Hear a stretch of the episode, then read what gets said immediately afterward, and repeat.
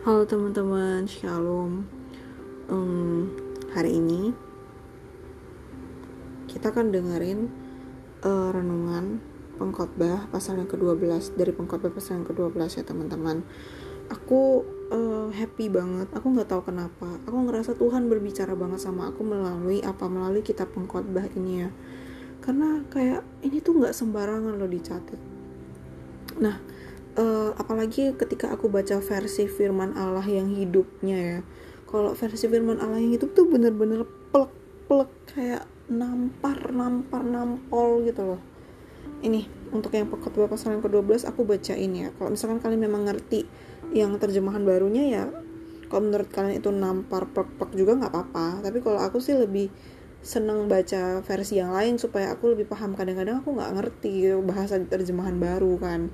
Jadi aku coba buka uh, terjemahan yang versi firman Allah yang hidupnya dan aku lebih kena sih sama perkataan firman Tuhan.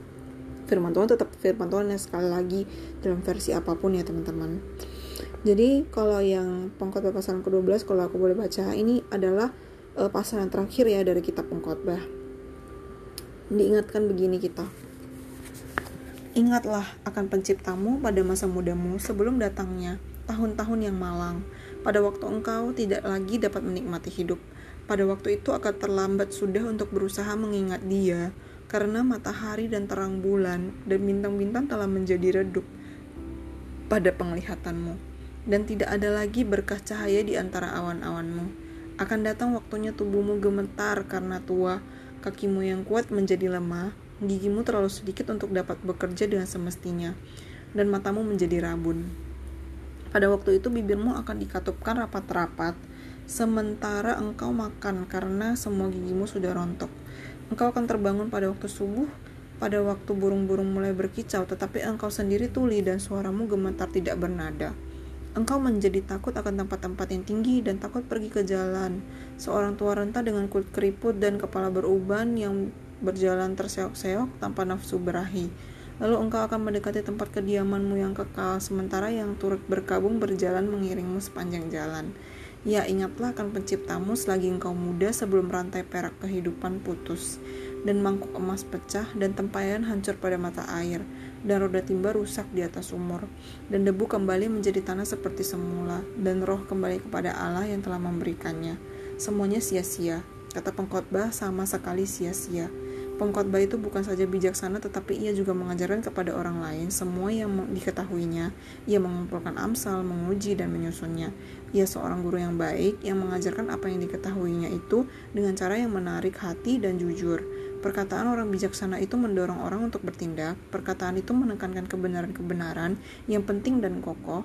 Yang penting dengan kokoh, bagaikan paku-paku yang tertancap dalam-dalam diberikan oleh seorang gembala. Tetapi anakku, waspadalah.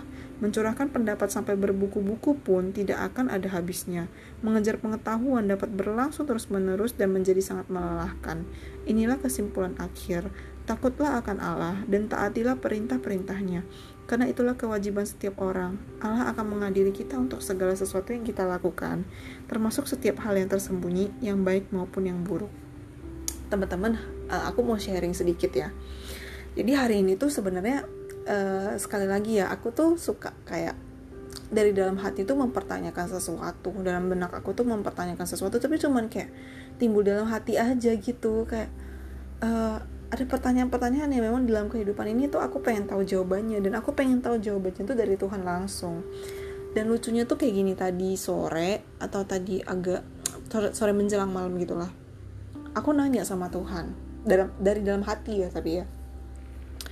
Tuhan kalau ngisengin orang itu dosa nggak sih? Aku nanya kayak gitu. Uh, ngisengin orang. Karena aku tuh suka iseng anaknya aku suka iseng. Pokoknya ada satu keisengan yang aku lakukan lah uh, di dalam bulan-bulan terakhir ini. Aku suka iseng dan aku happy gitu kayak cari perhatian gitu kan. Tapi lama kelamaan aku mulai merasa hal itu nggak patut aku lakukan gitu. Karena meskipun nggak merugikan tapi uh, apa ya kayak kalau aku mengalami itu misalkan aku yang diisengin kayak gitu aku bakal nggak suka gitu pasti ya. Jadi tadi aku tuh nanya Tuhan dosa nggak sih ngisengin orang? Gitu. Tapi hari ini luar biasanya Tuhan tuh jawab di pengkhotbah pasal yang ke-12 paling akhir Tuhan katakan kayak gini di ayat yang ke-14 karena Allah akan membawa setiap perbuatan ke pengadilan yang berlaku atas segala sesuatu yang tersembunyi, entah itu baik, entah itu jahat. Jadi intinya ya, aku dapat jawabannya hari ini. Aku pengen nangis sebenarnya. Aku terharu banget karena kayak setiap pertanyaan-pertanyaan yang sekalipun kecil ya, meskipun kita anggap sepele, tapi Tuhan tuh bener-bener denger dan jawab loh teman-teman. Jadi meskipun dalam hati lo aku nggak kayak ngeluarin apa gitu yang bener-bener doa atau Tuhan jawab aku itu enggak aku cuman kayak Tuhan ngisengin orang itu dosa nggak sih aku cuman kayak timbul dalam benak dan hati aku dan Tuhan jawab kayak gini Tuhan akan membawa setiap perbuatan ke pengadilan yang berlaku atas segala sesuatu yang tersembunyi. Entah itu baik entah itu jahat. Jadi intinya setiap perbuatan kita entah itu baik entah itu jahat entah itu karena iseng entah itu karena apa pun ingat Tuhan akan membawa perbuatan itu loh ke pengadilan. Jadi aku menganggap kalau apa yang aku kerjakan itu nggak baik karena kalau misalkan itu di di apa dibalikkan ke aku kayak gitu ya aku kan nggak akan suka. Berarti intinya itu merugikan orang ya. Mungkin ya ya karena aku yang iseng jadi aku nggak merasa rugi gitu. Tapi ketika itu nanti berbalik ke aku kalau misalkan dibalikkan kejadiannya itu ke aku ya itu sebenarnya merugikan sih. Jadi intinya segala sesuatu yang aku kerjakan segala sesuatu yang tersembunyi. Kan iseng-iseng itu tersembunyi ya gitu. jadi Tuhan akan bawa itu ke pengadilan suatu saat nanti gitu. Jadi aku ya Tuhan ampuni aku gitu. Aku kayak langsung tertampar gitu loh hari ini dengan firman Tuhan di pengkot dari pengkhotbah pasal yang ke-12 ini. Jadi gitu ya teman-teman. Uh, sharing aku. Aku cuma pengen bagiin ini sih karena menurut aku ini penting ya. Karena sekalipun di dalam benak aku tuh Tuhan tahu Tuhan ngerti ya Tuhan bisa kasih jawabannya Tuhan ingatin kita. Dan hari ini uh, kita udah udah sampai ke akhir daripada kitab pengkhotbah.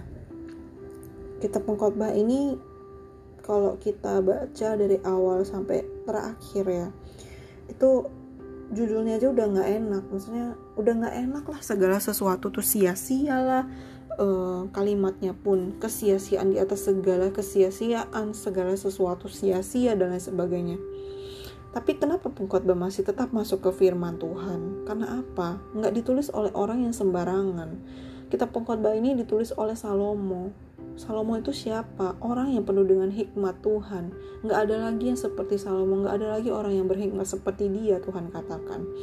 Jadi hikmat dan kebijaksanaan Salomo ini udah bukan uh, apa ya? Semua orang juga udah tahu, seluruh penjuru dunia itu tahu ke uh, kebijaksanaannya dia, kekayaannya dia, kebesarannya dia, gitu ya masuk ke dalam sejarah istilahnya tapi tulisan-tulisan Salomo nggak menjadi sejarah tapi tetap menjadi apa relevan bagi kehidupan kita di saat ini tapi kita lihat ya gimana seorang raja yang di dalam masa kejayaannya itu mengatakan ke kepada kita semua itu sia-sia gitu ya. Salomo ini apa? Kalau kita baca cerita Salomo ya kalau kalian baca cerita Salomo di di satu raja-raja ya Salomo ini udah ngalamin semua pahitnya kehidupan, manisnya kehidupan, dia sudah mengalami semuanya. Di masa tuanya ketika uh, Raja Salomo menulis ini uh, kitab pengkhotbah, Salomo itu udah menyadari bahwa segala pencapaiannya itu sia-sia kalau apa? Kalau nggak ada Tuhan di dalamnya. Makanya Salomo ingatkan kita ingatlah akan penciptamu pada masa mudamu sebelum apa? Sebelum tiba hari-hari yang malang dan apa? Mendekat tahun-tahun yang kau katakan tak ada tak ada kesenangan bagiku di dalamnya yang ayat yang pertama ya. Jadi apa? Uh, kenapa Salomo berani katakan ini karena apa? Gambaran kehidupan dari Salomo itu sendiri waktu Salomo ada di puncak ya di puncak kejayaannya dia apa? Dia melupakan Tuhan.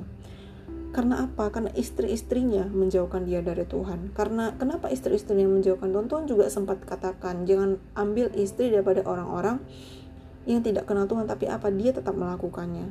Intinya apa? Istri-istrinya menjauhkan dia dari Tuhan membuatnya terlibat di dalam apa penyembahan berhala jadi sebagai hukuman daripada Tuhan kerajaan Salomo apa? Pecah.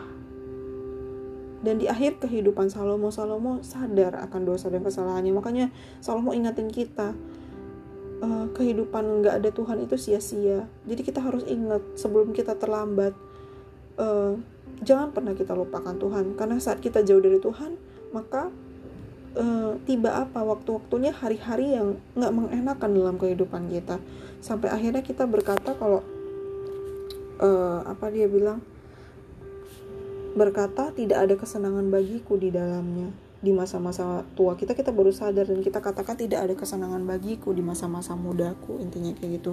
Jadi hari ini ketika Tuhan ingatkan kita kita harus bersyukur ya teman-teman uh, melalui renungan hari ini Tuhan nggak pengen kita jalani kehidupan yang sia-sia. Tuhan eh, nggak uh, pengen kita ngejalanin kehidupan yang nggak ada artinya. Jadi dan ini juga peringatan ya buat Tuhan eh buat kita dari Tuhan supaya kita ingat sebelum terlambat kayak gitu.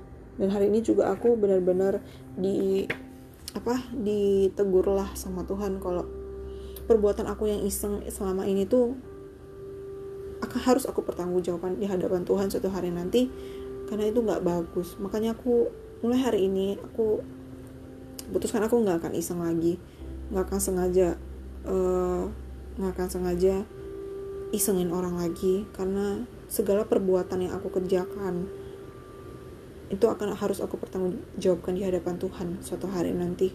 Kayak gitu ya teman-teman. Jadi intinya ingat sebelum terlambat ya teman-teman semoga memberkati teman-teman. God bless